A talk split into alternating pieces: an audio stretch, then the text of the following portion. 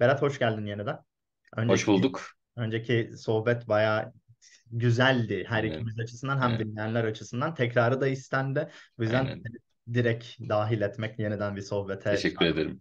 Hoş geldin. Benim de hoş bulduk. Benim de bildiğin gibi bu tarz yayınlar dinlenme zamanlarım. Dinlenmek için yayın yapıyorum, kitap okuyorum. Benim de acayip bir dinlenme anlayışım var o yüzden. Bu, bu, bu açıdan da Aynen. benzeşiyoruz bu arada. Yani günlük Hı-hı. hayatın rutinin ve yoğunluğundan sıyrılmak için bu sohbetler çok çok keyifli oluyor. Aynen öyle. Şimdi abi ben bugün konu olarak dini çeşitliliği seçtim. Bunu seçme yani aslında sana alternatifler sundum en son Hı-hı. seçtin ama bunu seçmem benim için de iyi oldu. Çünkü en son ben ateizmin alfabesini yazıyordum. Hı-hı. ateizmin alfabesi çok uzun oldu. Bu yüzden onu üçe böldüm. Aynen. Antiteizmin alfabesi, deizmin alfabesi ve ateizmin alfabesi diye. Sonra Hı-hı. antiteizmin alfabesini yazdım ama çok uzun oldu. Ee, onu da üçe böldüm. Onu da üçe böldüm. Her argümanı bir kitap yapmak gibi bir fikrim var. Şimdi dini çeşitlilik argümanı Temel argümanlarda özellikle yani temel birkaç tane argüman var antiteizmde. Biri kötülük problemidir, biri bu e, dini çeşitlilik problemidir. E, Teizme karşı ana argümanlar onlar zaten. ilahi Ee, gizlilik problemi falan aynen var. birkaç tane var böyle. Onu kaça böldün? Üçe mi böldün yine? Ee, üçe Yoksa böldüm daha... ama mesela kötülük problemini deizmin alfabesine Aynen, attım. aynen. Şey, antiteizmin alfabesi dini çeşitlilik. Ee. Antropoepistemik argüman diye benim bir söylemiştin evet. argüman yazdım hı. kendim. Biri de kutsal kitapların irrasyonelliğinden argüman hı. Hı hı. tarzı. Bu, bu üçüncüsü bayağı zor bu arada. Aynen Çok tabii. yoruma müsait olduğu O, için. onda onda herkes diyecek ki kardeşim doğru yo- yorumu El Helahık diye bir hocamız yapmış. El Helahık e, yorumunu dahil etmemişsin. Kitap eksik o yüzden diye sürekli garip garip yorumlar gelecek Evet, maalesef. tahmin ediyorum onu. Onun da önüne geçmeye çalışıyorum şimdi. Ama o zor. Bu yüzden ona Tabii.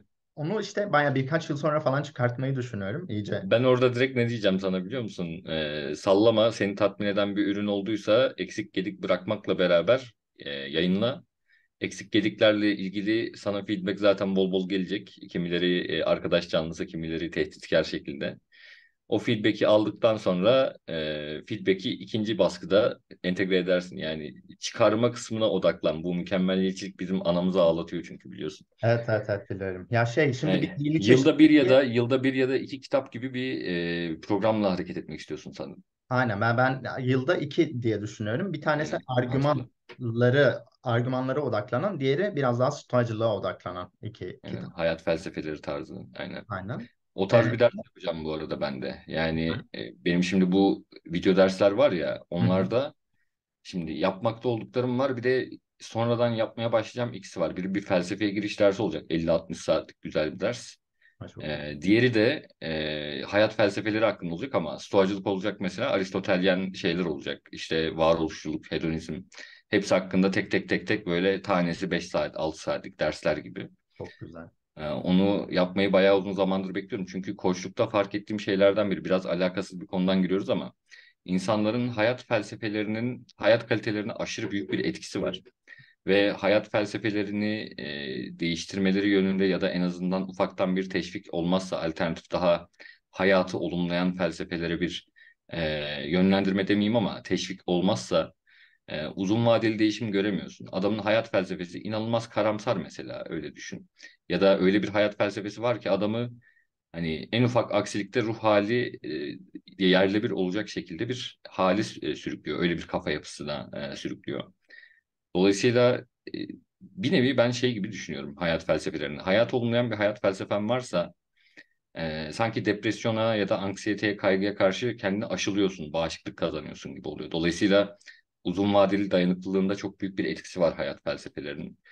Bu da benim bu konuya merak salmamın önemli şeylerinden biri. Şimdi esas fasulyenin faydalarına konumuza geri dönelim o zaman. Ah, Bizim böyle çeşitlilik. dikkatler dağılıyor. Dini Estağfurullah ben çeşitlilik e, ben nasıl direkt nasıl bir giriş yapacaksın? şöyle bir giriş yapayım. Aslında olayı farklı açılardan değerlendirebiliriz. İşte sence dini çeşitlilikte işte dini dışlayıcılık, dini kapsayıcılık, dini çoğulculuk arasında ne makul olabilir tarzı bir giriş yapmak istemiyorum ben. Çünkü olayın biraz daha sohbet boyutunda da kalmasını Tabii. istiyorum. Tabii. Çok sayıda din var.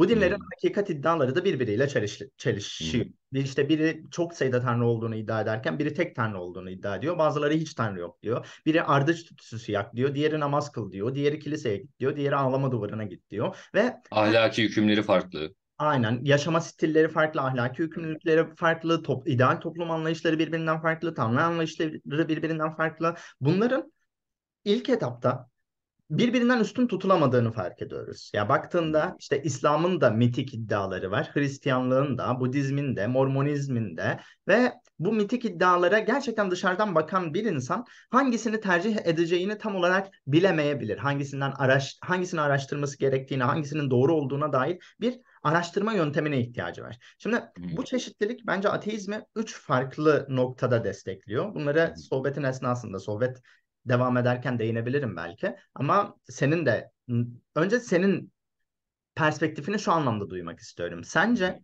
bu çeşitlilik, bu hakikatlerin bir, birbiriyle çelişen hakikat iddialarının ateizme, teizme kıyasla daha makul olduğu kısımlar var mı? Yoksa ikisi neredeyse eşdeğer mi bu konuda?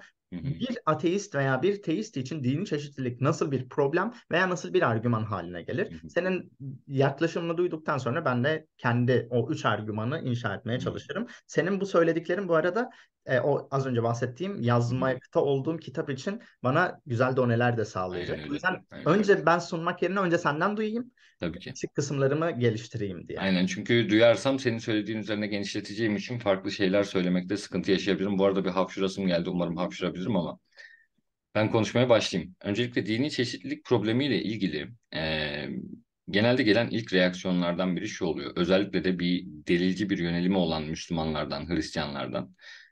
Diyorlar ki abi evet dini çeşitlilik var ama bizim dinimizin delilleri güçlü. Özellikle işte Altay Cem Meriç tarzı arkadaşlar olsun, Cemre olsun, Müslüman tarafta da böyle, William Lane Craig tarzı Hristiyan tarafta da böyle. Tabii Craig tam olarak şey değil, e, delilci değil ama e, neticede delillerin çok sağlam olduğunu, dolayısıyla dini çeşitlilik probleminin ortaya çıkmadığını e, düşünen bir reaksiyonla karşılaşıyorsun. İlk reaksiyon, ilk tepki bu olur genelde o tarz insanlarla konuştuğunda. Ama dini çeşitlilik probleminin ben delillerin gücünden e, bağımsız olduğunu ve hatta dini çeşitlilik probleminin özellikle e, biraz ilahi gizlilik problemiyle de şey olduğunu hani ciddi bağlantılı bir problem olduğunu düşünüyorum. Çünkü burada özellikle olay hani suçlayamayacağımız inançsız diye bir şey var mı olayı esasen?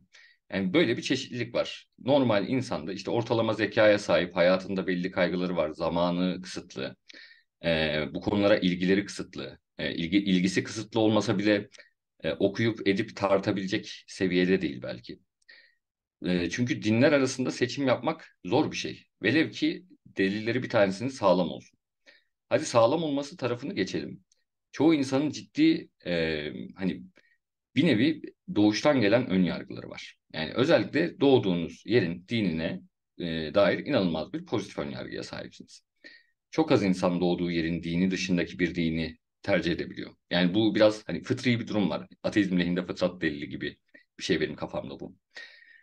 Şimdi dolayısıyla diyelim ki dinlerin birinin objektif olarak gerçekten delilleri daha sağlam. E, bu durum e, dini çeşitlilik problemini çözer mi? E, çünkü dini çeşitlilikte genelde bir parite argümanı e, dediğimiz bir şeyden bahsedilir. E, denir ki işte dinler arasında bir parite var, birini diğerine e, tercih etmek için çok ciddi güçlü gerekçelerimiz yok denir. Ben bu parite öncülüğüne ihtiyaç olduğunu dahi düşünmüyorum açıkçası. Çünkü parite öncülüğü savunması zor bir öncül. Ve dindarlara karşı savunmaya çalışırsan döngüsel oluyor biraz. Hani özellikle delilci bir dindara karşı savunmaya çalışırsan diyecek abi parite öncülüğünü ben kabul etmiyorum. Dolayısıyla buna ihtiyaç varsa dini e, çeşitlilik probleminde başarısız olacak. Ben burada parite öncülüğüne başvurmayalım. Şunu söyleyelim diyorum. Ben e, doğru dine inanmasını çoğu insanın bekleyebiliyor muyum? Makul bir e, talep midir bu insanlardan gibi düşünüyorum daha çok. Ve makul bir talep değil. İnsan doğasına dair bildiğimiz şeyler, insan psikolojisine dair bildiğimiz şeylerden yola çıkarsak, dini konulardaki velev ki biri çok bariz bir şekilde üstün. Bariz bir şekilde üstün bile olsa e, araştırma gerektirme mev tarafı yani çok ciddi bir araştırma gerektiriyor. Ne kadar bariz olursa olsun pat diye 5 dakikada abi şu din daha üstünmüş diyerek karar verebileceğimiz bir şey olmadığı da bariz çünkü. E, dolayısıyla bunun ciddi bir çaba gerektirmesi mevzusu var. E, psikolojik bir takım eğilimlerimiz var. Ve biz bu nedenle bir dini çeşitlilik varsa insanlardan doğru dine ulaşmalarını, doğru dine inanmalarını da bekleyemiyoruz. bekleyemediğimizden dolayı insanlar direnç göstermeyen ya da masum inançsız durumunda olabiliyorlar veya masum yanlış inançlı durumunda olabiliyorlar. Ee, açıklamamız gereken örüntü bu esasen. Yani dini çeşitlilik birincisi dinlerin çok sayıda olması ayrı bir e, açıklanması gereken bir şey. Bir, birbirleriyle çelişen dinlerin çok fazla olması açıklanması gereken bir şey. İkincisi e, yine açıklanması gereken önemli bir şey bu insanlardan doğru bir din olsa bile, delilleri sağlam olsa bile e, doğru dine inanmalarını talep edemeyeceğimiz makul bir şekilde. Yani bu ikisi özellikle ciddi bir durum. Şimdi dolayısıyla birincisi insanları e, aynı zamanda sorumlu tutan dinlerde bu özellikle problem yaratıyor. Yani inandığın dinle ilgili seni sorumlu tutuyor. Doğru bir din var. Buna inanmazsan senin kurtuluşun mümkün değil ya da kurtuluşun çok daha düşük bir ihtimale sahip. Ee, kaldı ki dünya hayatında da kötü olabilir. Çünkü sen yanlış bir ahlaki çerçeveyi benimsemiş olacaksın mesela. Yani hem dünyanın hem ahiretin kötü etkileniyor yanlış dini tercih etmekten ve doğru dini tercih etmeni de senden bekleyemiyoruz mevcut durumundan dolayı. Ya zihinsel kapasitelerinden dolayı ya doğduğun yerden dolayı başka nedenlerden dolayı vesaire. Şimdi makul talep olamaması, makul bir şekilde talep edemememiz mevzusu zaten sorumlu tutulabilirlik, imtihan gibi konseptler açısından sıkıntı yaratıyor ki bunlar genelde dışlayıcılık dediğimiz görüşlerde olan şey. Yani bir din var, doğru olan, diğerleri yanlış ve diğerlerine inananlar kurtulamıyor diyen bir e, dışlayıcılık versiyonunda. Ki dışlayıcılıkta e, yok etmecilik tarzı seçenekler de var. Yanlış dine inanıyorsan seni cehenneme atmak yerine yok ediyor mesela Tanrı. E, şimdi burada dolayısıyla e, ne diyordum? e, talep etme mevzusunda işin böyle bir tarafı var. Biz insanları sorumlu tutamıyoruz inandıkları dinlerden dolayı. Bu aynı zamanda demografi argümanı vesaire de burada devreye giriyor zaten. İkincisi dinlerin çeşitliliği. Dinlerin çeşitliliği mevzusu özellikle şöyle bir şey. Şimdi bir sürü din var. Bir sürü farklı e, kabule sahip. Bir sürü farklı ontolojik iddiası var, ahlaki iddiası var. Bir dünya farklı şey var. Bunlar birbirleriyle çelişiyor. Çeliştikleri gibi aynı zamanda e, birbirleriyle mücadele halindeler. Yani birbirlerini bir şekilde e, alaşağı etmeye, daha popüler olmaya, yayılmaya çalışıyorlar. Yani yayılmacı olan dinler var, olmayanlar var. Yahudilik yayılmacı bir din değil mesela. Ee, ama e, İslam olsun, Hristiyanlık olsun şiddetle yayılma mevzusundan bağımsız bir şekilde yayılmacı dinler misyonerliğini yapıyorlar, tebliğini yapıyorlar insanlar. Şimdi burada e, özellikle dinlerin çeşitliliği açısından çok fazla ve farklı din olması açısından bir ateistik ya da teistik olmayan bir alternatif var. Bir de teistik olan alternatif var. Teistik olan alternatif bize ne diyor? Bir tane doğru din var. En azından dışlayıcılıklı. Diğer alternatifleri konuşuruz zaten. Dışlayıcılıkta diyor ki bir tane doğru din var. Hatta bununla ilgili mesela İslami açıdan bakarsak çağlar boyunca bir dünya peygamber gelmiş. Ve bunlar temelde aşağı yukarı aynı şeyleri anlatmışlar. Tarihselci olmayan bir yorumu yine e, burada konuşmuş oluyoruz. Tarihselcilikte bu problemler çok farklı oluyor çünkü. Ee, Tanrı kısacası hepimizin doğru dine inanmasını istiyor. Ee, ve Tanrı'nın amaçlarını e, tehlikeye sokan bu konuda bir dünya yapma din var. İnsanlar böyle dinler uyduruyorlar. Sahte peygamberler ortaya çıkıyor. Menfaatleri doğrultusunda bir şeyleri e, yapıyorlar. Dinleri uyduruyorlar. Diğer dinlerde.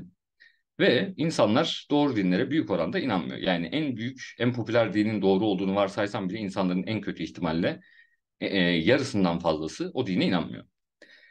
Şimdi dolayısıyla bu dini çeşitlilik mevzusunda bakabileceğin şeylerden biri bir tane din var. Hepimizin inanmasını istiyor Tanrı hipotezi. Bir diğer hipotez de ne? E, özellikle e, non-teistik bir hipotez olarak düşünecek olursan e, e, bu arada teistik başka bir hipotez şey de olabilir. İşte bir din var ona inanmamızı istiyor olabilir. Veyahut Tanrı herhangi bir dine inanmamızı istiyor olabilir. Yani ortak bir hakikat iddiası vardır.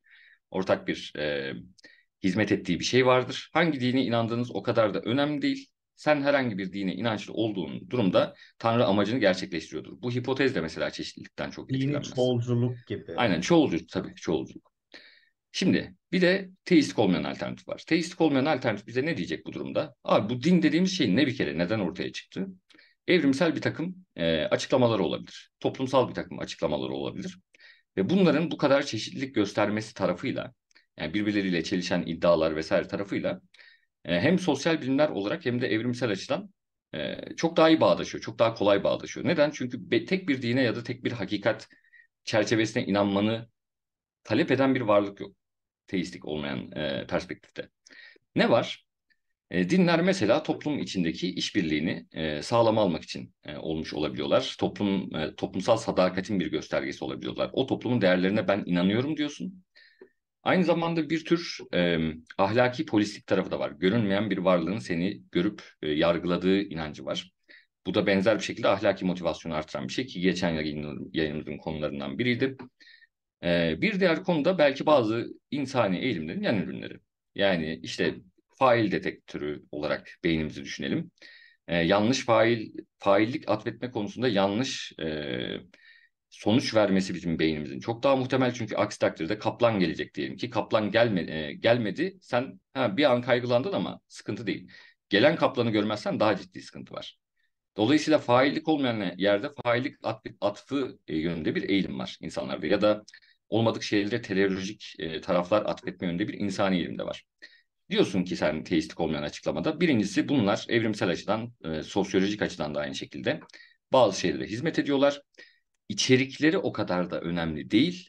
Belli bir toplumsal işleve yarıyorsa orada din ortaya çıkacak ya da orada din olacak. Belli bir biyolojik işleve yarıyorsa orada din olacak, orada bir şekilde toplumu düzenlemeye yönelik bir çerçeve sunacak.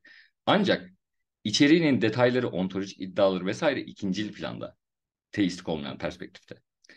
Ee, yani içeriğinin ne olduğu önemli olmadığı için içerik farklarının olması, toplumsal koşullara göre değişmesi, o toplumun taleplerine göre biçimlendirilmesi, mesela kas sistemi dediğin şey, Hindistan'ın mevcut durumunun e, resmiyete dökülmüş hali dini açıdan. E, ya da kadın erkek ilişkileri konusunda atıyorum o toplumun yine ihtiyaçlarına uygun türden farklar olabilir belki. Dolayısıyla toplumun taleplerine ihtiyaç e, o ihtiyaçları karşılıyor. Bu nedenle içeriğinin ne olduğu o kadar önemli değil teistik olmayan açıklamalarda. Din temel e, sosyolojik ve biyolojik işlevlerini yerine getiriyorsa çeşitlilik göstermesinde herhangi bir sıkıntı yok. Hatta çeşitlilik göstermesini toplumsal koşullara göre bekliyorsun da. E, çünkü e, tek bir hakikat iddiası var, senin taleplerinden e, ayrı bir hakikat iddiası var, dinlerin böyle bir hakikat var gibi bir olay yok. Dolayısıyla fark göstermelerini bekliyorsun. Ben burada bunu bir tık ileriye de taşıyacağımızı şöyle hmm. düşünüyorum bu arada. Ya şeyi şeyi ben bekliyorsun zaten. E, farklılık olmasını bekliyorsun ama tıpkı evrimsel süreç gibi ortak coğrafyalara sahip dinlerde benzerliklerin benzerlikler de bekliyorsun. Aynen öyle. İşte uzaklaştıkça benzerliklerin azalmasını da bekliyorsun. Bu da tam olarak ateistik Aynen bir perspektifle açıklanabilecek bir şey. Ateistik veya nanteistik diyelim. Nanteistik, ee, burada burada zaten şey Paul Rapper'ın kötülük problemi versiyonunda mesela açıkladığı ateizmin ya da naturalizmin açıkladığı şeylerden biri kötülüğün olmasının ötesinde çeşitleri ve gösterdiği örüntüdür mesela. Yani ne tür bir örüntü gösteriyor? Atıyorum ahlaki herhangi bir duyarlılığı olmayan bir örüntü gösteriyor mesela. Adaleti gözetmeyen bir örüntü gösteriyor. Bu da önemli bir şey. Burada dediğin gibi gösterilen örüntünün türü de yani tam senin beklediğin yerde beklediğin gibi sonuçlar var. Eğer ki bir tanrı hakikat doğrultusunda insanlara din yetisi vesaire vermemişse beklediğimiz türden bir örüntü var. Nerede neyin benzeyeceğini, neyin farklı olacağını aşağı yukarı öngörebiliyorsun. E, dolayısıyla örüntüleri hani bu şeydir. Bir hipotezin açıklama gücünün yüksekliğidir bu. E, non-teistik hipotezin aynı zamanda sadece daha uyumlu değil, aynı zamanda daha e, açıklaması da daha organik bir anlamda. Dolayısıyla genelde teistlerden şöyle bir özellikle olasılıksal argümanlarda en nefret ettiğim görmekten şeylerden biri. Adam diyor ki abi Tanrı şöyle de yapabilirdi. Tamam yapabilirdi okey. Ben de derim ki o zaman Abi naturalizmde bilinç ortaya çıkabilirdi. Naturalizmde ahlak ortaya, e, ahlak olabilirdi. Objektif ahlak olabilirdi. Olamaz demen çok zor çünkü çelişki iddiaları genel olarak yapısal olarak zaten savunulması aşırı zor iddialardır. Dolayısıyla alternatif açıklamalar her zaman olabilir. İşte yer çekimi olmayıp da gök ihtimi olabilir atıyorum. Anlatabiliyor muyum? Bu klasik şeydir. E, underdetermination, e, fazla belirlenim, aşırı belirlenim problemidir. Her hipotezde alternatif açıklamalar olacak. Ama bazıları daha iyi, bazıları daha kötü. Dolayısıyla bağdaşık bir açıklamanın sunulabilmesinden o şeyi demek ki bizim için problem yaratmıyor bir atlama var. İlginç bir şekilde aynısını ateizmde yapmıyorlar. Teizm söz konusu olduğunda bağdaşan bir açıklama bulabildiysek problem ortadan kalkmıştır gibi düşünüyorlar. Ateizmde bağdaşık bir açıklama e, sunduysan O açıklamanın işte şöyle problemleri var, böyle problemleri var demeye çalışıyorlar. Evet ya genel olarak ben şeyi e, insanların kendi inançlarına bir tür kayırma yaptığını ve Tabii ki. Bir, bir, bir asimetrik bir tercih Aynen. e, içerisinde, örüntüsü içerisinde olduklarını düşünüyorum bu, bu konuda. Aynen. Klasik e, entelektüel e, mücadele normlarından biri bu. Görüşlere adil davranmak bana kalırsa. Yani aynı standartlarla yargılamak. Metaetikte tanrı ahlak ilişkisinde bu çok olan bir şey. İşte e, bizde zaten hiç sıkıntı yok. Ateizmde sıkıntı var sadece gibi bir bakış açısıyla yaklaşabiliyorlar örneğin orada. Yani bu asimetri, e, asimetrik muamele kesinlikle çok ciddi sıkıntı yaratıyor ve e, asimetrik muamele etmediğimizde çok daha iyi bir şekilde bağdaştığını da görüyoruz nanteizmle. Aynı şekilde çok daha açıklama gücünün de nanteistik açıklamanın yüksek olduğunu görüyoruz. Çünkü ben neden fark bekleyeyim ki? Yani aynı din var, tek bir tanrı tarafından din yollanıyor. Sahtekarlar ortaya çıkıyor. Lan bu sahtekarlar niye ortaya çıkıyor? Yani engelleyebilir. Engellemeyip imtihan olabilir. Evet. Tamam ama e, imtihan alternatifi olmakla beraber e, hangisi daha iyi bağdaşıyor sorusunu sorarsan e, bir kere insanların ebedi e, kurtuluşlarını etkileyen bir konuda sen bu, bu tarz bir özgür iradeyi vermen çok doğal. Yani Bu ve senin çok aslında kolay çok kolay buna fıtrat tarafına geri bağlanıyor. Çok kolay buna kanabilen bir fıtratlayız aynı zamanda. ya hele Yani ki böyle bir kültüre doğup böyle bir yetiştirilme tarzına maruz kaldıktan sonra senin temel inançlarından vazgeçmen çok e, zor oluyor ve bunu aynen, tercih etmelerini beklemek çok makul olmuyor. Aslında aynen benim değinmek istediğim tüm noktalara teker teker değindim. Ben üç argüman sunmak istiyordum. Bir tanesi pratik imkansızlık e, Aynen, argümanı. Aslında dışarıdan baktığında dinler birbirinden ayırt edilemez gözüküyor. Ben ayırt edilemezlik ilkesi veya üstün tutulamazlık ilkesi hı hı, diyorum. Ve herhangi bir non-teistin ya şeyi hayal edelim. Bir tane insanı işte yetişkin herhangi bir dini kabulü kabule hiç dayanmayan adada yetişmiş ve dine dair hiçbir şey bilmeyen bir insanı dünyaya sokalım ve diyelim ki bunlar dinler ve bunlar hı. arasından bir tercih yap. Bu bu tercihi yapabilecek kapasiteye sahip değil herhangi bir insan. Dinler birbirine çok benzediği için. Şey şey delilci yaklaşıma dair ben şöyle bir eleştiri sunmak istiyorum. Önce bu pratik olanaksızlığı e, Pareto ilkesi demiştin değil mi? Ben Aynen. bunu ayırt Yani edilen şey ilkesi e, tercih ben ne demiştim buna? E, yani denklik gibi bir şey Aynen. esasen. Yani birbirlerine denkler dinler, eşdeğerler gibi aynen. Aynen. E, e, eşdeğerlilik ilkesi bana kalırsa neden te antiteizmin veya non-teizmin teizmden daha makul olduğuna dair bir gösterge sunuyor. Buna dair bence delilci argümanlar işte bizim kutsal kitabımız doğru. Ya öyle ama bizim delillerimiz daha kuvvetli. Argümanı Tamam. bana kalırsa şu açıdan eksik. Bu konudaki yorumunu duymak istiyorum. Bence burada dinlerin eşdeğerliliği gidiyor.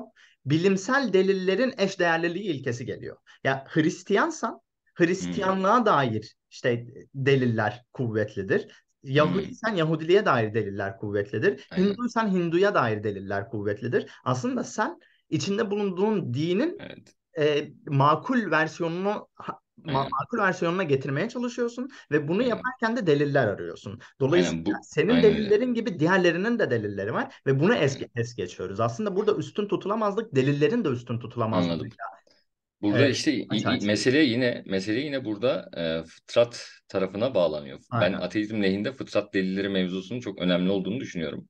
E, Caner Taslaman'a karşı böyle bir kitap mı yazsam ne yapsam? E, ama burada olay ne biliyor musun senin dediğinde? Şimdi birincisi delil dediğin mevzuda delil değerlendirme konusunda bizim mekanizmalarda maalesef bazı sıkıntılar var insanlarda. Motivated reasoning diye bir şey var. Tam olarak Türkçesini bilmiyorum ama eğer bir ideolojiyi benimsiyorsan o ideolojinin lehindeki argümanları aynen makul abi, makul abi, makul abi tarzı bir değerlendirmede bulunuyorsun.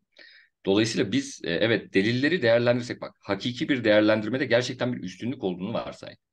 Ama e, çoğu insan hani bu bu arada zekası yüksek olan insanlar için de geçerli. Çoğu insanın mizacı işte bulunduğu konumlandığı yer gereği objektif değerlendirme yapma kapasiteleri sıfıra yakın.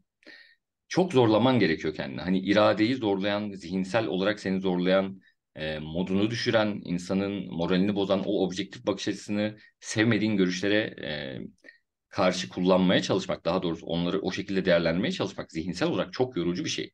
Çoğu insandan bu yüzden de bekleyemiyoruz. Beyin yapımız buna aykırı zaten.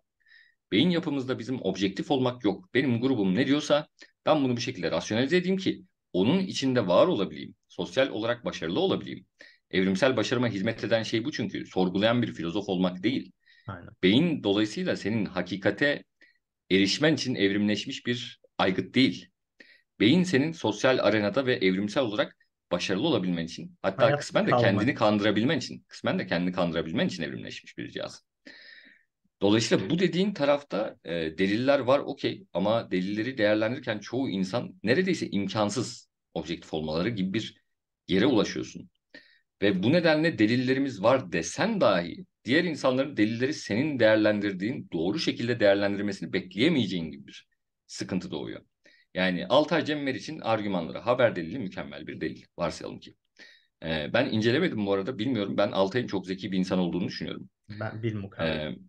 Ee, e, çok zeki bir insan olduğunu ve iyi niyetli bir insan olduğunu da düşünüyorum aynı şekilde. Ee, çok hayırseverdir de aynı zamanda kendisi. Ee, Ben samimiyetine oldukça inanıyorum. aynen, hocam. aynen. Bir de onun da ateizm geçmiş olduğundan dolayı bir şey var, garip bir durum var. Ya da agnosizm. Şimdi diyelim ki delil çok güzel tamam ama e, abi mekanizma bunu objektif değerlendirmeye müsait değilse ateistini de bekleyemiyorsun, teistini de bekleyemiyorsun, Hristiyanını da bekleyemiyorsun doğru değerlendirmesini. Dolayısıyla deliller var ama Allah kahretsin ki bizim e, mekanizma müsait değil onları objektif değerlendirmeye. Benim için de bu geçerli muhtemelen. Senin için de geçerli. Bu arada de- bu mümkün olsaydı bile ya gerçekten Aynen. objektiviteye yaklaşacak bir ya o yakınsayacak bir beyne sahip olsaydık bile pratik imkansızlığın hala şu açıdan Doğru. geçerli olduğunu düşünüyorum. Şöyle bunu yapabilmek için insan ömrü müsait değil gibi gözüküyor. Ya şey Hmm, sadece çevirilerine bakarak İslam'ı kabul edemezsin. Bunun için de hadis kaynaklarını incelemen, bir işte tefsir külliyatına bakman, e, Hristiyanlar doğru- nasıl eleştiriler getirmiş onu görmen. aynen Yani bir dünya şey var ortada. sadece dışarıdan bakıp işte Türkçe çevirisine bakıp reddeden ateistler aslında hatalı bir işte şey, hatalı bir yaklaşım sergiliyorlar ama bunu işte Hinduizme biz yaptığımız zaman biz de hatalı yapıyoruz. Aslında Aynen. Vedaları okumak için benim Sans- Sanskritçe ve Hintçe bilmem gerekiyor. Aynen. E, Tevrat'ı İncil'i eleştirebilmem için İbranice ve Latince bilmem gerekiyor. Ve baktığında Öyle. binlerce din var. Binlerce dinin binlerce yorumu var. Ve ben gerçekten bir dinin bir yorumunun objektif açıdan doğru olduğunu düşünsem bile bu doğru yoruma ulaşabilecek objektif bir beyin yapım da olsa bile bunu yapabilecek ömrüm yok. Yani Aynen. Katılıyorum. Ben kendime adıyorum mesela tamam mı? İşte Hı hı. şu an Latince yani pardon antik Yunan metinlerini anlayabilmek için işte Yunanca öğrenmeye başladım ve bununla ilgili çabalıyorum. Kur'an'ı e, öğrenmek için Arapça öğreniyorum. Ama hı. ben Hintçeyi ne ara öğreneceğim? İbraniceyi ne ara Aynen. öğreneceğim? Sanskrit Öğrenemeyeceğiz muhtemelen. Aynen, Aynen. öyle.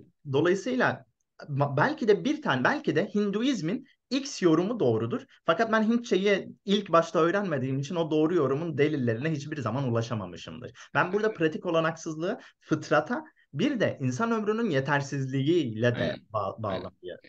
Burada aynı zamanda şey de var. İnsan ömrünün yetersizliği mevzusunda da birincisi beynimiz müsait olsa ilgimiz olmayabilir. Evet. Ee, pratik hayatta bir dünya farklı kaygı var. İnsanların çoğunun şeye, entelektüel mevzulara, din mevzularına çok derin bir merakı yok. Bir diğer nokta ya hayat içinde de bu dediğin gibi çok ciddi zaman ayırman gereken bir şey ve adamın işi gücü var, çocuğu var, işte toplumsal bir takım daha yakın çevresine olan sorumlulukları var. Zaten bunlar çoğu insanın vaktini sömürüyor. Ee, yani entelektüellik dediğin şey beyin yapısı müsait olsa bile boş adam işi. Yani boş zamanı olan adam işi. Boş adam değil. Ee, yani dolayısıyla entelektüel mevzularla ilgili ilgilenebilmen inanılmaz zor bir şey. Hele ki o derinlik seviyesinde zaten ömür boyu hani bin yıl yaşasak belki kısmen makul olurdu. Ama yani zaten mev- mevcut ömür yetmiyor. Onun dışında bekleyemiyoruz da.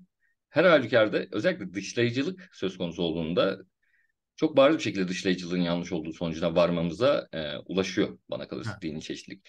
Ama dışlayıcılığı çok fazla gömdük. Şimdi Evet. alternatifler zamanı. çoğulculuğa vesaire de gireceğim ama Aynen. şeye de bir, bir değinmek istiyorum. Şimdi objektif dindarlık dışlayıcılığa güzel bir darbe bence. İşte pratik açıdan imkansız. Bir fıtrata da girdik ama ben fıtrata dair de birkaç ekleme yapmak istiyorum tabii. izninle. Ya şu bana kalırsa hem demografi problemi hem de tercih edilemezlik problemi şu Hı hı. problem. Hı hı. Dini tecrübe. Herkes dini tecrübe yaşıyor ama herkes kendi dininin tecrübesini yaşıyor. Aynen. Gerçekten tek bir Doğru. din doğru olsa ve o hakikat olsa ben Tanrı'nın özellikle insanın tercih edemeyeceği bu dini tecrübelerde herkesin aynı hakikati tecrübe etmesini beklerdim. Fakat bunu görmüyorum. İşte bir Hindu elinde tekerlek tutan işte Nilüfer tutan bir Vishnu'yu falan görüyor. Hı hı. İşte Alevi Hazreti Ali'yi görüyor. Biri Cebrail'i görüyor. Nihayetinde her biri aslında dini tecrübe açısından kendi dinini destekleyen şeyler görüyor. Aynen. Burada iki sorun çıkıyor bence. Bir- Birincisi eğer gerçekten tek bir hakikat verse neden he- herkes aynı şeyi? Ben, ben eğer Hazreti Muhammed'i göreyim sadece ya. Herkes Hazreti Muhammed'i görsün ama bu durum böyle değil. Ee, ikincisi de ben bu dini tecrübeyi yaşadıktan sonra ömürlillah beni abi diğer dine sokamazsın. Sokamazsın Çok ya zor ben evet. Çok zor. Dolayısıyla Ee, beni ya ben ben fıtratıma şu açıdan da uygun değil. Yani ben bu dini tecrübeyi yaşadıktan sonra getir bana delilleri. Bana ne? Aa, Ben abi evet bana bir dini tecrübe mekanizması vermişsin ama öyle bir mekanizma e, öyle bir mekanizma sunmuş ki Tanrı e, nereye gitsen oranın dinini tecrübe ediyorsun. Ya da nerede olsan onun dinini tecrübe ediyorsun. Hangi dine doğduysan özellikle. Yani e, mekanizma duyusal diğer mekanizmalar gibi değil. E, orada bir benzememe durumu, asimetri durumu orada da ortaya çıkıyor. Hani bir genelde din tecrübe delillerinde bir duyu tecrübesiyle analoji kurulmaya çalışılır. Ama kültürel açıdan varyasyon dini tecrübede diğer her şeyden daha fazla var. Rüyaya daha fazla benziyor o açıdan aynen. dini Aynen. tecrübe. Ki Ee, dinlerin de açığa çıkmasında rüyaların etkisi çok fazla. tabii ki. Yani vahiy, vahiy geldiğini düşünen e, insanlar neticede hani biz ateist olduğumuz için böyle söyleyebiliyoruz. Sen tam ateist misin emin değilim şu an ama Evet, yakınım. Panteizm, aynen. ateizm arasında gidip geliyorum. Bak, aynen. Yani şey e, neticede insanlar bazı rüyalar görüyor. Peygamber olduğunu iddia eden insanların çok ciddi bir kısmının e, samimi olduğunu da düşünüyorum. Mesela samimi değilse abi bunları nasıl yapmış bu kadar ahlaken kendini nasıl paralamış falan diyorlar. Abi samimi olabiliyorlar gerçekten ben- peygamber olduğu iddiasında olanlar. büyük bir kısmı Bence Hasan Mezarcı mesela samimi. Ben de buna inanıyorum bu arada. Aynen. Ben insanların yani çoğu zaman peygamberlik iddiasında tut, olan olanların zaten yalancıysa insanların ciddi bir güven ayıklama mekanizmaları var beyinlerinde. Bir yerden sonra o insana güvenmemeye. Eğilimli hale gelebiliyorlar. Yani geçmişte gerçekten samimi inançlıların dinlerinin günümüze kadar gelmiş olma ihtimali çok yüksek ve günümüzde de Yalancıysalar bile çok ciddi bir kısmı hele ki başarılı olanlar iyi niyetli olmak zorunda. aynen. Yalancıysa bile benim toplumum ayvayı yemiş durumda. Ben bunları düzeltmek için böyle bir şey yapacağım. Sanki siyasi aktivizm gibi Hı hı. tarzı bir motivasyonla yapmış olmalılar Aynen. bence. Yani tabii ki kötü niyetli olanları şunları bunları vardır ve illa başarılı olanları da vardır. Ama e, Sabbah gibi bu arada. aynen ya deli e, deli demeyeyim ama e, ya böyle gerçekten samimiyetle inanıyorlar ki deli dediğimizde genelde şey diyor kardeşim bu adam nasıl bu kadar aklı başında. Maalesef bu delilik dediğimiz mevzunun dereceleri var. Evet. Yani e, bir insan bir konuda çok deli olup ki e, akıl hastası çevrem çok fazla olduğu için hafif deli arkadaşlarım da var. Bazı konularda çok makuller, bazı konularda deliler onlar da. Dışarıdan bakan bir pek çok sohbetlerinde bir şey anlamazlar. E, Dahi olup mesela şizofren olan insanlar var. Matematik aynen, dahisi aynen, adam. Ama şizofren aynen, yani görüyor aynen öyle. farklı şey. Aynen öyle. Yani dolayısıyla bu e, mevzuda dediğin gibi fıtrat mevzusunda böyle bir tarafı da var işin. Bir fıtrat mevzusuna şöyle bir taraf da ekleyeceğim. Hı hı. Dinlerin kendilerini yani kendi kapalı kutu gibiler ve bu kapalı kutudan insanları çıkartmamak için özel mekanizmaları var. Ancak Tabii bu özel mekanizmalara sahip olanlar korundu muhtemelen tarih boyunca. İşte cehennemde yanarsın. Şimdi cehennemde yanarsın veya cennet gibi bir ödülle motive oluyorsan sen ha- hangi dine sahip olursan ol o dini inkar ederken aman Allah'ım ya varsa ya çevremde de bu kadar insan inanıyor gibi mekanizmalar seni dışarı çıkmanı Evet. engelliyor. Bu yüzden bu da aslında fıtratın neden dinin çeşitlilikle uyumlu olmadığına dair bir Aynen. gösterge. Ben bir şey daha ekleyeceğim. Bu demografi deliline ben kültür argümanı demek istiyorum. Az önce bahsetmiştim aslında. E, iki, iki açıklama var. Bir tanesinde dinler en az bir tane din Tanrı tarafından yollandı. Diğerinde tüm dinler insanların belli ihtiyaçları karşılamak için kültürel ve evrimsel kodlarla inşa ettiği kurumlar. Bir tanesinde ben çok daha fazla benzerlik beklerim. Mesela Adem ve Havva kıssasını sadece Sümerler çevresinde açığa çıkan dinlerde görmek yerine şeyde de görmeyi, işte İnka, e, şey Aztek, Maya imparatorluklarında da görmeyi bekliyorum ama Aynen. şu, şu açıklama bana çok daha makul geliyor. Adem ve Havva kıssası günün sonunda Sümer tabletlerinin yavaş yavaş değişmesiyle ve Aynen. o kültür, o coğrafyada açığa Evet. çıktı. Aztek'te Aynen. Maya'da farklı bir inanış vardı ve bu yüzden Burada bu hatta aynı var. zamanda hangi argümana yanıt veriyor? Biraz sözünü keseceğim özür dilerim. Bu Tamam. aynı zamanda kardeşim dinleri Allah gönderdi zaten Sümerlilerle benzemesi kadar doğal bir şey yok argümanı var ya. Aynen. Şimdi tamam dinler arasında benzerlikler bekliyorsun okey de kardeşim ilginç bir şekilde bu benzerlikler birbirleriyle iletişimi olabilecek türden dinler arasında oluyor. Birbirlerinden yalıtık olan din, dini geleneklere baktığında o bariz benzerlikleri yakalayamamaya başlıyorsun. Yani Allah tek bir din gönderiyor, benzemesini bekliyorsun ama bu, bu sefer de coğrafi açıdan yalıtık olanlar benzemiyor birbirine. Bu, bu, bu arada Yani şeyleri, mitolojileri falan incelediğinde çok bariz gözüne çarpıyor. Mesela şey diyorlar ya, abicim Nuh tufanı tüm dünya dinlerinde var. Dolayısıyla Evet. aslında Nuh tufanı gerçekten yaşanmış olmalı. Abi, yok. Nuh tufanı yok her şeyden önce Evet. dinlerde.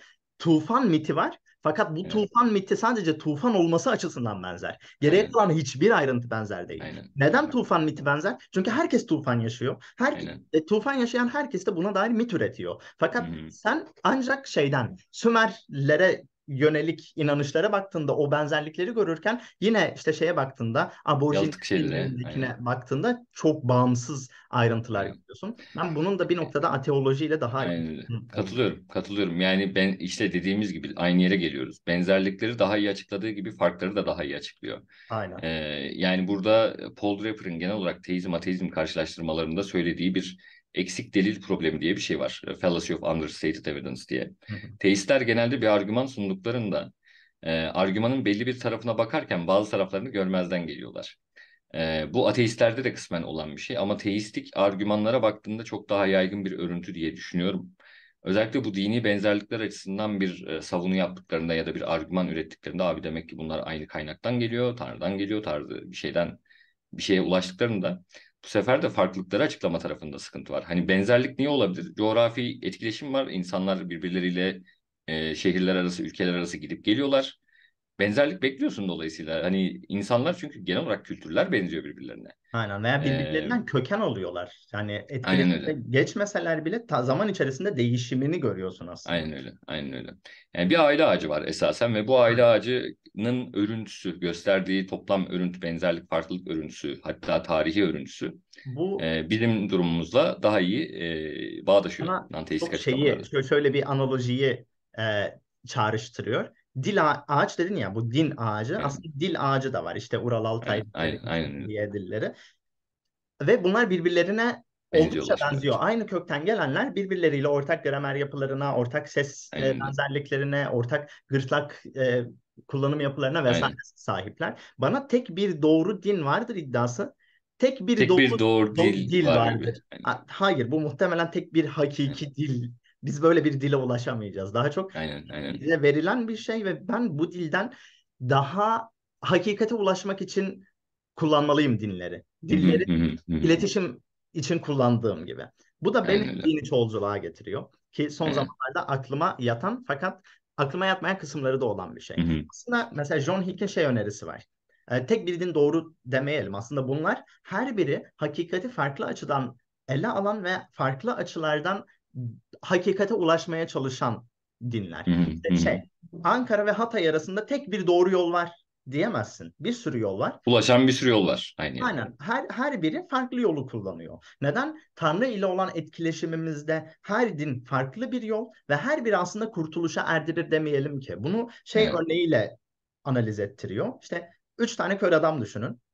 Bir tanesi filin işte şeyine dokunuyor, e, bacağına dokunuyor. Diyor ki koca bir sütun var burada. Aynen. Biri kulağına dokunuyor. Diyor ki burada çarşaf var. Biri hortumuna dokunuyor. Diyor ki boru var. Aslında hı. her biri hakikati eksik anlattı ama hakikatle de uyumlu şeyler anlattı. Aslında biz hakikat konusunda körüz ve dinler bize farklı hakikatin farklı noktalarını veriyor. Her birinden beslenmeliyiz gibi bir yaklaşımı var. Sence bu yaklaşım tutarlı mı? Sence bu yaklaşım makul mü? Bu yaklaşımın eksik yanları neler? Bu tek bir din doğru değil de en az bir tane dini kabul etmeni bekliyordur belki de Tanrı. Aynen. Fikrine Aynen. yönelik senin yaklaşımın ne olur? Bu şeyi açıklar bu arada. Fıtratı açıklar. Fıtratı Bir açıklar. Evet.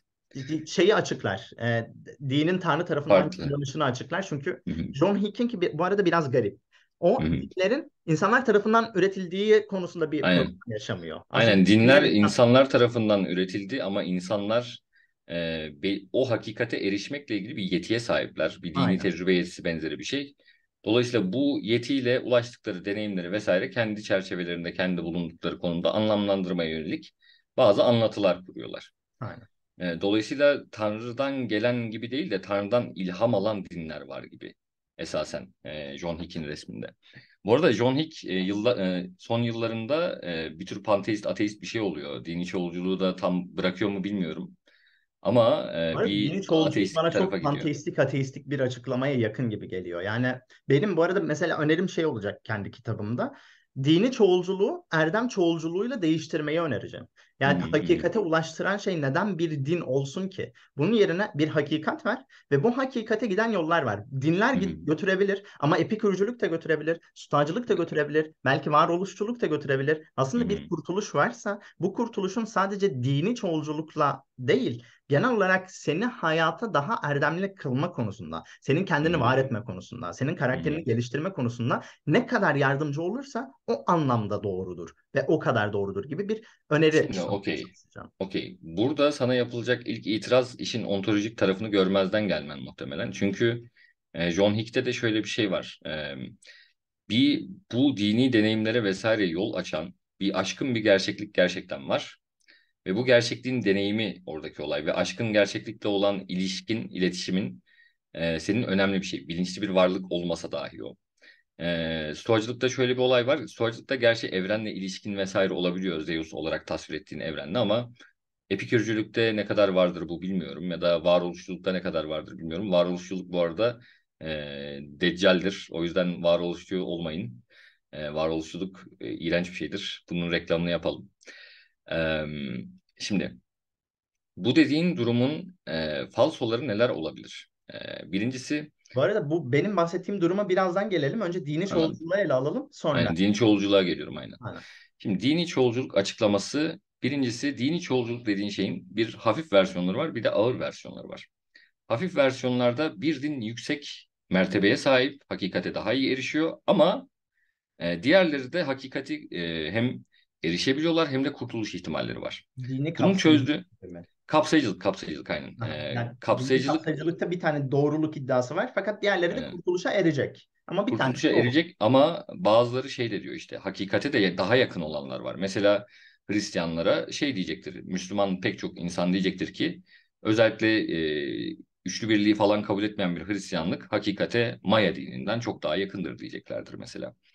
E, o yüzden ehli kitapla bir ayr- ayrım yapıyorlar ya. Şimdi kapsayıcılığın problemleri mevzusunda zaten e, dini çoğunlukla ilgili çoğu şey e, pardon dini dışlayıcılıkla ilgili çoğu problem kapsayıcılık için de geçerli. Ee, işin çoğulcu tarafına gelecek olursak burada ateistle e, çoğulcu olmayan hepsi yanlış diyen ateistle e, şey arasında bir tartışma var. Yani bu çoğulculuğun doğru olduğunu söyleyen arasında bir tartışma var. Ya da en azından deist ve dinleri komple reddeden Ben ama e, çoğulculuğu da kabul etmeyen biri e, ara- arasında tartışma var. Yani o hakikate erişim kısmi olarak bile olsa yoktur gibi bir alternatif var kısacası. hmm. Senin ekleyeceğin şeyi alayım. Böyle ben kapsayıcılık için ya dini dışlayıcılığa ya da dini çoğulculuğa gelmesi gerektiğini şu açıdan düşünüyorum. Mesela şey dedin ya işte üçlü birliği kabul etmeyen bir Hristiyan e, Maya'dan daha hakikate ulaşmıştır. hı Ama mesela Selefi veya Vahhabi bir Müslüman da Hristiyanlıktan Daha daha uzak olabilir, evet. Olabilir. O Aynen zaman öyle, senin aynen. İslam adı altında veya Hristiyanlık adı altında Doğru bu olmandan arada. ziyade hakikate ne kadar yakınsadığın önemli. O zaman Aynen. etiketler önemli değil. Dini etiketler önemini yitirebiliyor. Evet O, doğru o zaman diyorsun. bu da zaten dini çoğulculuk olmaz mı nihayetinde? Yani kısmen evet daha çoğulcu olur ama neticede e, tam bir doğru yorum var da diyorsun. Ona yakın sayarak değerlendiriyorsun her şeyi. Ama o dediğin gibi ilk baştaki problemlere e, tekrardan yol açıyor. E, dışlayıcılığın problemlerini. Şimdi işin çoğulculuk tarafına gelecek olursak tartışma burada şeyler arasında. Birincisi dışlayıcılarla e, ve kapsayıcılarla bir çoğulcular arasında tartışma var. Bu tartışmayı zaten e, üzerine konuştuk. Çoğulcu taraf daha üstün gibi görünüyor. Aynı şekilde non-teistik tarafta. Non-teistik tarafla çoğulculuk arasında nasıl bir fark olabilir? Birincisi ontolojik bir fark var. Bu tarz bir deneyimlediğimiz aşkın bir gerçeklik vesaire bir şey yoktur diyebilirler. Veyahut böyle bir gerçeklik olduğunu söyleyenlerle aramızda hakiki bir ontolojik ayrımdan ziyade bir tavır farkı var diyebilirler. E, bu panteistler özellikle naturalistik olan işte tanrı bilinçli bir varlık olarak tanrıyı görmeyen hatta stoacılardaki bir panteizmde e, şu söylenebilir. Ateistle bu adamlar arasında ontolojik hiçbir fark yok. Sadece bu adamlar evrene karşı bir saygı hatta sevgi e, gibi bir hürmet gibi bir garip bir hisse sahipler. Öyle bir tavra sahipler gerçekliğe dair. Hatta şey tarafları da var. Olan her şey mantıklıdır gibi bir tarafları var mesela. Öyle bir metafiziksel doktrinleri de var. Ee, dolayısıyla orada ontolojik bir ayrım olup olmaması ile ilgili bir ayrım yapabiliriz. Yani şey bu aşkın gerçeklikle ilgili. Eğer ki tamamen naturalistik bir şeyse, evrene tavrımızla ilgili bir şeyse, ateist dini çoğulcu arasında e, ontolojik bağlamda düşünürsek pek bir fark yok. E, böyle bir durumda şöyle bir fark var sadece. Be beslenilen tavırlar farklı ve diyebilirsin ki bu tavrı haklı çıkaran gerekçeler var. Böyle bir tartışma yapabiliriz. Evren böyle bir hürmeti, saygıyı vesaire haklı çıkarıyor. Bizim e, ona merakla bakmamıza, e, hayretle bakmamıza e, bunu haklı çıkaran bir şey. Dolayısıyla böyle bir dini pratiklerin ateistik bir e, savunusu gibi bir tarafı da var. Dua etmeyi savunabilir mesela böyle bir dinci olduğu. Ateist bile olsa. Şimdi bu alternatifler arasında böyle bence çok ciddi bir ontolojik e, fikir ayrılığı olmadığı için ciddi bir tartışma da yok. E, ama mesela stoacılığı benimseyen bir ateistin e, ve ciddi bir şekilde antik versiyonuna benzeyen bir versiyonu ben, benimseyen bir e, stoacının e, bir tür dini çoğulcu olduğu söylenebilir mi? Emin değilim.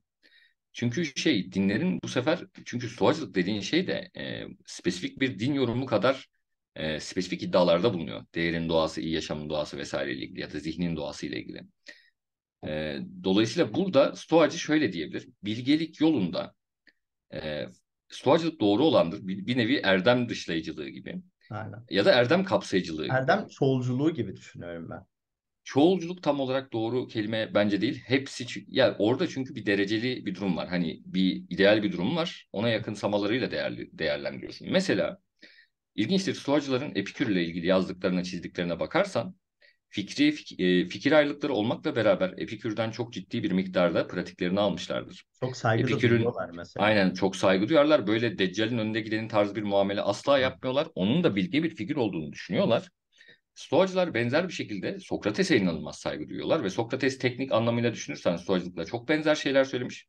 Ee, şey de aslında teknik olarak bir Sokratik bir felsefedir e, Stoacılıkta. Aynen. Stoacıların ideal bilge tasavvuruna en uygun insan tarihte yaşamış Sokrates. Ama e, Stoacılardan farklı düşündüğü konular var muhtemelen. Bu onun bilge olmadığını gösteriyor mu? Hayır göstermiyor. Bilakis Epiktetos muhtemelen kendinden daha bilge buluyor Sokrates, Sokrates'i. E, fikri anlamda daha uzak olsa dahi, farklılıkları yani olsa dahi. Cennet, cehennem yani ruhun yeniden oluşumuna Sokrates inanıyor. Hmm. Epiktetos buna karşı çıkıyor. Buna Aynen öyle. Bu Sokrates'e işte derin bir saygı, hürmet Hı-hı. besleme konusu yine devam. Aynen öyle. Ya, yani adamlar şey diyor direkt bir e, zorlukla bir şeyle karşılaştığında Sokrates buna nasıl yaklaşırdı diyorlar. Aynen. Ee, rehberleri, ruhsal rehberleri gibi bir şey Sokrates onlar için. Epi, Epikür için de o kadar farklı felsefeleri var ki ikisinin. Ama Epikür için de buna benzer bir e, tavırları var. Çünkü neden? Neticede olay pratik bilgelikte bitiyor. Ve pratik bilgelik e, sahibi olan bazı insanlar teorik açıdan yanlış kabullere sahip olabilirler. Bu anlamda farklı felsefi tasavvurlar vesaire var. Bu anlamda bir varyasyon olabilir. Ama pratik bilgeliğe ulaşma konusunda pek çok farklı felsefenin muhtemelen aynı doğrultuda insanları çektiğini, yani bir pratik bilgeye çektiğini ve pratik bilge olan insanların da farklı kişiliklere, mizaçlara sahip olmalarının yolları var. Yani bilgeliğe giden yolda hani objektif bir bilgelik durumu var. Bilge erdemli insan tasavvuru var. Ama bilge bilgeye benzemeyebiliyor. Mesela Diyojen'e inanılmaz bilge bir insan olarak bakıyorlar ama Diyojen'in hayat tasavvuru, felsefesi vesaire çok farklı. Seneca bu direkt diyor. Hani bir bilgeliğin belli aşamaları var. En üst Aynen aşamada öyle. insanlar işte birbirinden farklı ya biri daha iyi bir hitabet yeteneğine sahip olabilir. Aynen birinin öyle. yaşam Aynen tarzı öyle. daha sade olabilir. Biri X Birinin askeri yetenekleri vesaire cesareti daha yüksek olabilir. Yani bilgelik dediğin şey birden fazla şey ama objektif kriterleri var yine de. E, dolayısıyla burada bir erdem çoğulculuğu var ama çoğulculuğu tercih edilemezlik ya da tam bir kaos gibi görmüyorsak, orada bir yakınsamadan bahsediyorsak ya da doğru cevabı var. Bu insan bilgi midir sorusunun doğru bir cevabı varsa e, bu durumda dediğin gibi bir çoğulculuk olabilir. Erdem çoğulculuğu. Zaten bilgi, doğru. Bu var yani. dini çoğunluğun şekilde var. özünde bunu iddia ettiğini düşünüyorum. Sadece bunu dinin Güzel, güzel. Aynen, aynen, Yani şey aynen. bir, bir dini hakikat var. Farklı yollar buraya gidebilir. Bazıları Hı hı, gitmez. Ama bazıları aynen, gidebilir. John Hick bunu aynen, kriter olarak ne koyuyor? Erdemi koyuyor. Diyor ki aynen bir din senin Erdemli yaşama götürüyor, yaşama götürüyor mu? aynen Aynen götürmeye de bilir. Götürmezse Aynen uzaklaşır. Yani aslında Aynen öyle. bir mutlak bir hakikatin varlığı kabul ediliyor. Aynen öyle. Aynen Yollar götürebilir, götürmeyebilir. Ben buna sadece buna din demek zorunda değiliz. Yani günün sonunda Hayır, yani burada o zaman ne dersin biliyor musun? Dinler artı hayat felsefeleri, hayat tasavvurları dersin. aynen. Yani dinler çünkü neticede kurumsallaşmış bir yapı olabilir, olmayabilir veyahut ontolojik iddiaları olabilir, olmayabilir. Ama dinlerde neticede sana bir hayat felsefesi vermelerinden mütevellit Hı hı. erdemine hizmet edebiliyorlar veya uzaklaştırabiliyorlar seni. Dolayısıyla burada dinler artı erdem e, yani iyi hayat felsefeleri dersek senin dediğine daha yakın olur ve orada bir çoğulculuktan bahsedebiliriz. Ama burada ontolojik tarafı es geçtiğin için hani dinin altını çok oydun derler klasik. Yani Bunu din sadece ahlakla ilgili bir şey değil.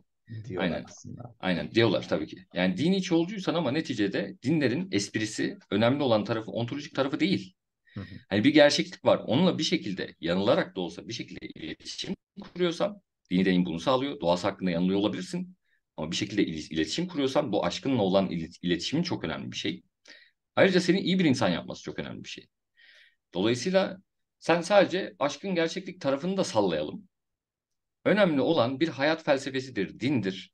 İyi hayata hizmet ediyor mu? Erdemli bir insan olmaya hizmet ediyor mu? Buna göre değerlendirelim. Bu arada bunu da Ve savunmuyorum aslında. Aynen. Ben o aşkın gerçeklikle bağlantı kurmanın önemli olduğunu düşünüyorum. Mesela Hmm, Sinan Canan'ın şeyi var ya işte ayet derken ben sadece işte şeydeki Kur'an'daki yazılı ayetleri değil işte aynen. ayet aslında fizik yasalarıdır da doğa Aynen. yasalarıdır da ve ben her doğayı araştırdığımda aslında Tanrı ile olan bağımı Allah'la olan bağımı kuvvetlendiriyorum. Ben bana kalırsa bilimin Aynen. bu açıdan biraz şiirsel biraz da şey manevi boyutu doyuran kısmı hı. var.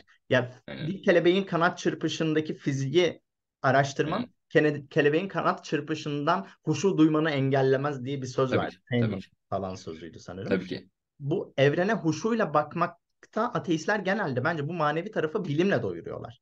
Ve Aynen. bu da o aşkın tarafla bir tür bağ Aynen. kurmayı gerektiriyor. Panteist olmak Esasen aşkın olan şey doğaüstü olmak zorunda değil. Kendinden aynen. büyük bir şey olmak zorunda Aynen. esasen. Huşu Yani aynen. aciziyetini hissettiğim bir şey. Aynen. Yani bu stoacıların meşhur egzersizlerinden biridir. Evrenin büyüklüğü üzerinde düşünmek. Bu bana biraz cringe gelen bir şeydi normalde. Çünkü ben Carl Sagan'ın evren büyük biz küçük biz önemsiz muhabbetlerini pek sevmem. Ama neticede hani bilime olan hayranlığımı düşünecek olursam abi müthiş bir şey. Evet. Yani her şey birbiriyle öyle bir bağlantılı, öyle bir sistematik e, tarafı var ki. Yani evet ben buna doğa yasaları derim. İşte e, belli istatistiksel yasalardır vesaire anlaşılabilir bir evrende yaşıyoruz. Mükemmel bir şey. Hani bir iki tane temel ilkeyi öğrenip bütün yapıyı böyle görebilme hissiyatı özellikle. Benim bilimde çok sevdiğim bir şey. Hat- Hatta toplumsal mevzularda evrimsel tarafa bu kadar ilgi duymamın nedeni de bu.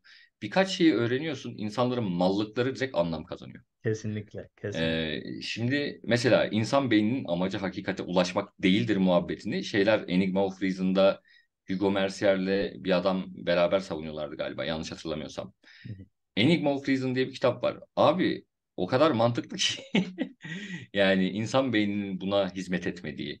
Çünkü o tarz bir aşkın hakikate erişim vesaire evrimsel avantajı olmayan bir şey zaten. Evet. Ee, o Ama yüzden insan davranışını, şeyi insan rasyonelitesini çok anlamlı kılan bir e, tarafı var. Yani inanılmaz etkileyici. Bir şeyleri anlayabilme hissiyatı benim zaten çok en sevdiğim his olabilir ya. En kesinlikle. sevdiğim his olabilir. Bu, bu arada çok garip de birisi ya ben Aynen. ya şey koskocaman kainatın içerisinde küçücük bir noktada o noktayla tüm kainatı anlay- anlamaya yakınsayan veya işte hiç bir bilince sahip varlıksın. Bu, bu bana Aynen. çok şey geliyor. Aynen. Gerçekten şiirsel geliyor ve bu beni Aynen. yıllarca bilim okumaya dair feci motive etmişti. Aynen. Yani burada dolayısıyla işin bir huşu tarafı var. Ben e, bilimsel mevzulara olsun, felsefi mevzulara olsun, hani gerçekliğin genel olarak bir huşu olabilir, korku olabilir. E, zaman zaman değişir bu. Çünkü korku tarafı da mesela e, ciddi olabiliyor bazen. Diyorsun ki lan bir meteor çarptı, bütün e, dünya yerle bir olabilir ve bunu öngöremeyebiliriz de. E, ya da insan doğasına bakıyorsun, abi biz bu mal doğayla nasıl bu medeniyeti kurmuşuz diye hayret ediyorsun. Korkuyorsun da bitebilir diye. Evet. Yani Ha- e, hayret. bitmesin aynen hayret Ha, var, huşu, korku ha, var, huş. mutluluk, coşku var, huşu var. Bir de Hepsi bir arada. ben nihayetinde teslimiyetin de olduğunu düşünüyorum. Stoacı bir teslimiyet. Aynen. Aynen. Stoacı Çünkü teslimiyet bu arada tasavvufi teslimiyete de oldukça benziyor. Ya bilmiyorum evet, ben di- dinlerin derinlerine böyle farklı farklı dinlerin derinliklerine girdikçe şeyi keşfediyor olmam beni bu tür ortak şeyleri, ortak anlayışları. Evet yani evet çok çeşitliler ama nihayetinde ulaşmaya çalıştıkları insan insanı kamil veya sofos veya işte o bilge insan artık her Bilge. ne Hı. diyorlarsa her birinde birbirine çok yakın. İşte biri Hı, nirvana'ya ulaşmaya çalışıyor, diğeri Allah'la bütünleşmeye çalışıyor, diğeri kendini teslim ediyor. Evrim, evrene Teslim. ediyor Evet, aynen. bu çok benzer gibi geliyor bana nihayet. Yani burada özellikle şey derdim. Burada e, senin benzerlikle ilgili gördüğün şey, sen dinlerde sevdiğin şeyleri arıyorsun da şu anda. Evet, evet. Yani e, esasen oradaki olay felsefi belli bir düşünme tasavvuruna sahip dindarların hep aynı yere çıktıkları. Hı. Yani burada dinlerin bir esprisinden ziyade din kendi başına boş bir şey. Yani şu anlamda boş bir şey. Yani biçimlendirilmemiş bir mermer, mermer gibi. Yani dinler dolayısıyla senin mizacın e, öfkeliyse, senin mizacın birilerini baskılamak yönündeyse o yönde bir yorum yapıyorsun. Ya da senin mizacın e, bilgelik yolu felsefi konular üzerine kafa patlatma, evrenin doğası üzerine kafa patlatma yönündeyse sen o yöne doğru gidiyorsun. Ve o din sana o yolda motivasyon yine sağlıyor. Ama buradaki olay dediğim gibi e, biraz esasen her çağda, her me- medeniyette bir şekilde bilgelik arayışında olan insanların olması. Evet. Bunlar için din fayda sağlıyor ya da ciddi bir motivasyon kaynağı oluyor ki e, ama bunun esas nedeninin dini taraftan ziyade gerçekten mizacının ona elverişli olması Evet. olduğunu düşünüyorum Evet, insanların. evet, evet. Ee, ve bu azınlık bir şey maalesef. Ee, maalesef e, baktığımızda iyisini görmeye çalışırsak çok iyi şeyler var. Kötüsünü görmeye çalışırsak çok kötü şeyler var. İnsan mizacının genel olarak felsefe tasavvurlarında, hayat tasavvurlarında, hayatta yaptığımız şeylerle ilgili önemine baktığımda mesela stoacılarda kimseyi suçlamama durumu vardır ya ya da kimseyi neredeyse kimseyi sorumlu tutmuyorsun hiçbir şeyden.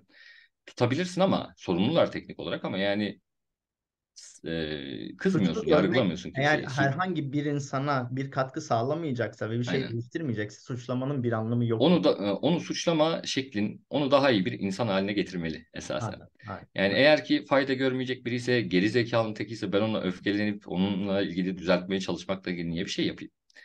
Ee, değiştiremeyece de- değiştiremeyeceğim bir şey bir nevi e, çok kötü birine kuduz köpeğe ettiğin muameleyi yapıyorsun. Ha özgür iradeli stoacılarda insanlar determinizme rağmen. Ama kuduz köpeğe ettiğin muameleyi ediyorsun ya da bir çocuğu nasıl bir şeyden sorumlu tutmuyorsan onu da hani ce- cehaletinden dolayı belki tabiatından dolayı sorumlu tutmuyorsun orada. Aslında bu gelecek haftanın veya gelecek sohbetin konusu olabilir. Aynen. İrade, Olabilir. determinizm ve sorumluluk konusu. Aynen, aynen, aynen. Şimdi dolayısıyla burada e, şey var. E, dini tarafta e, dinlerin bir boş mermer gibi olduğunu düşünüyorum ve insan tabiatının belli taraflarını e, katalize ettiğini düşünüyorum. Kötü tarafları da katalize edebiliyor, iyi tarafları da katalize edebiliyor. Kötü tarafları inhibe edebiliyor, iyi tarafları da inhibe edebiliyor.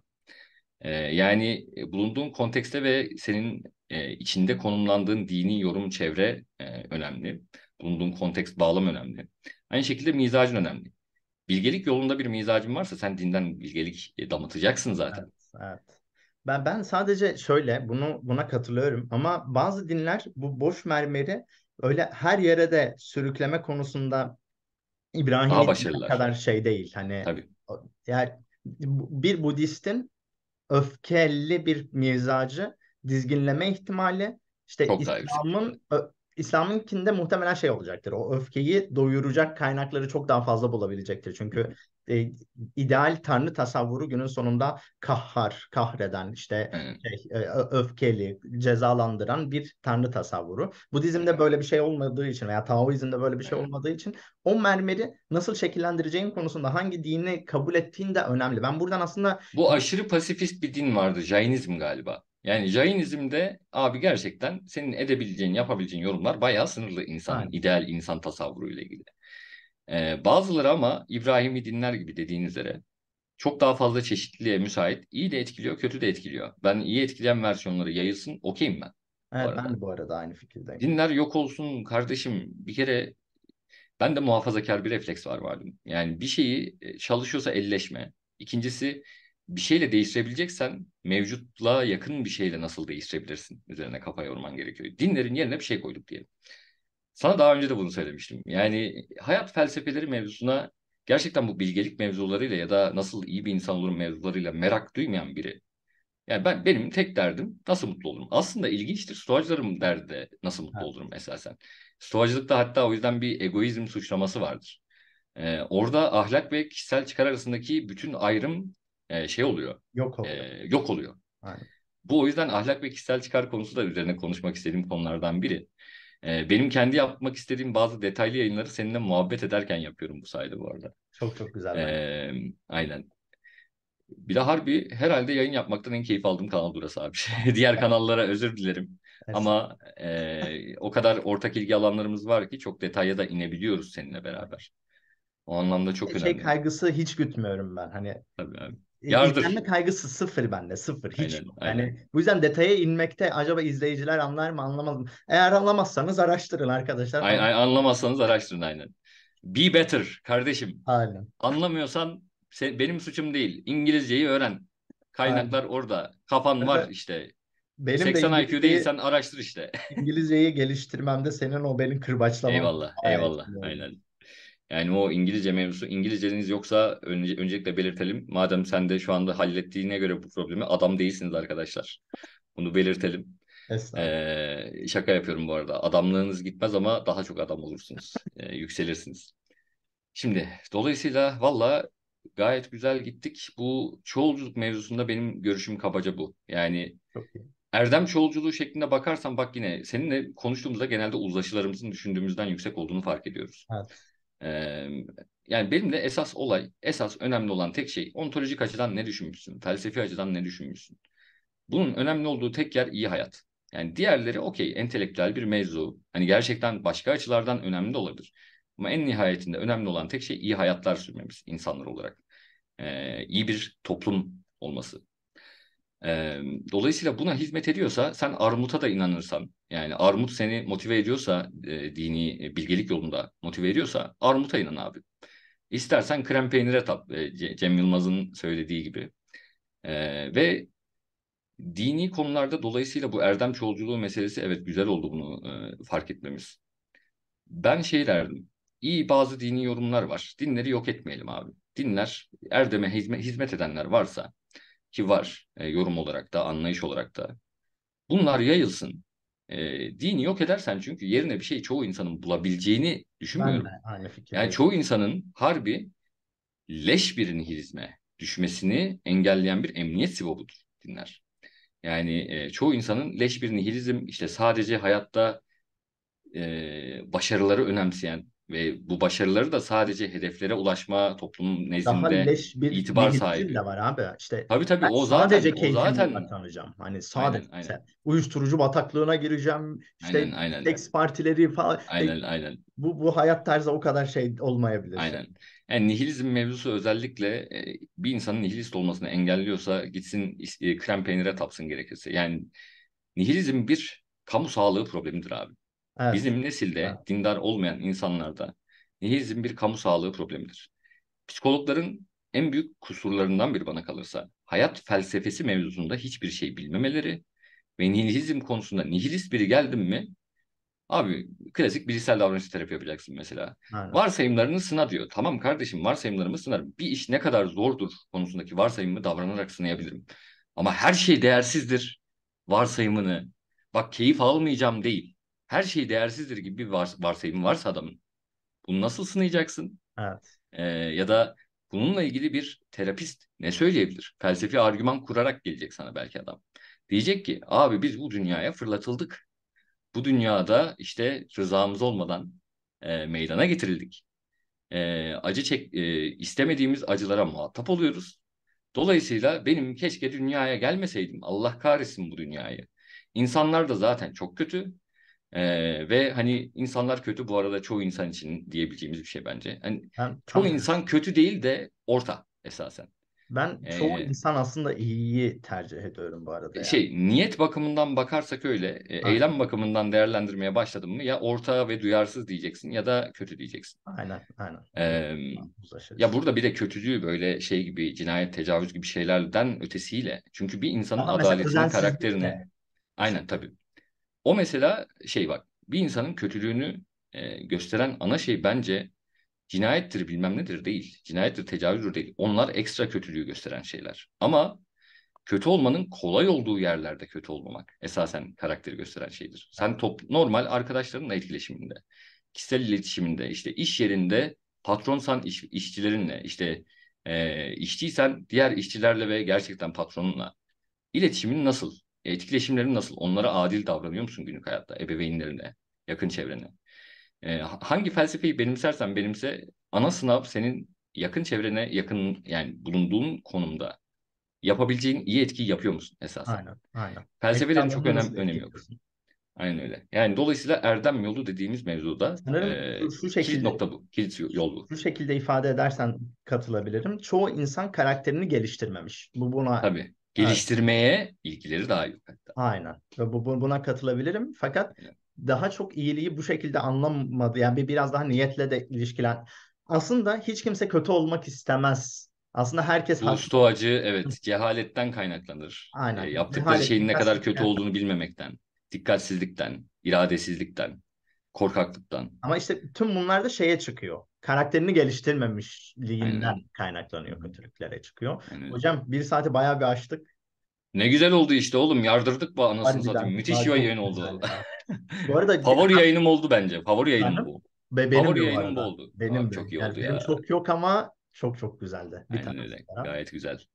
Uzlaştık Eyvallah. yine. Büyük oranda uzlaştık evet. Evet. Aynen. Şey dini çeşitliliğe girdik, kişisel hayatlarımıza girdik, iyinin kötünün Aynen. doğasına girdik. Çok sayıda şeye girdiğimiz bir yayın Aynen. oldu. İyi ki Aynen. geldin. Cansın Berat. Eyvallah. Eyvallah. Sağ olasın. Dinlendim biliyor musun? İki saat felsefe konuştum rahatladım abi. Böyle, Harbiden ha. böyle bir şey olamaz. şey yapalım mı bu arada?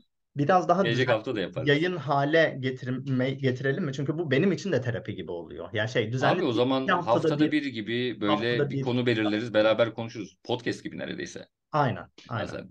Hatta bunu şey de yapabilirim. Ee, bir, bir isim koyarız.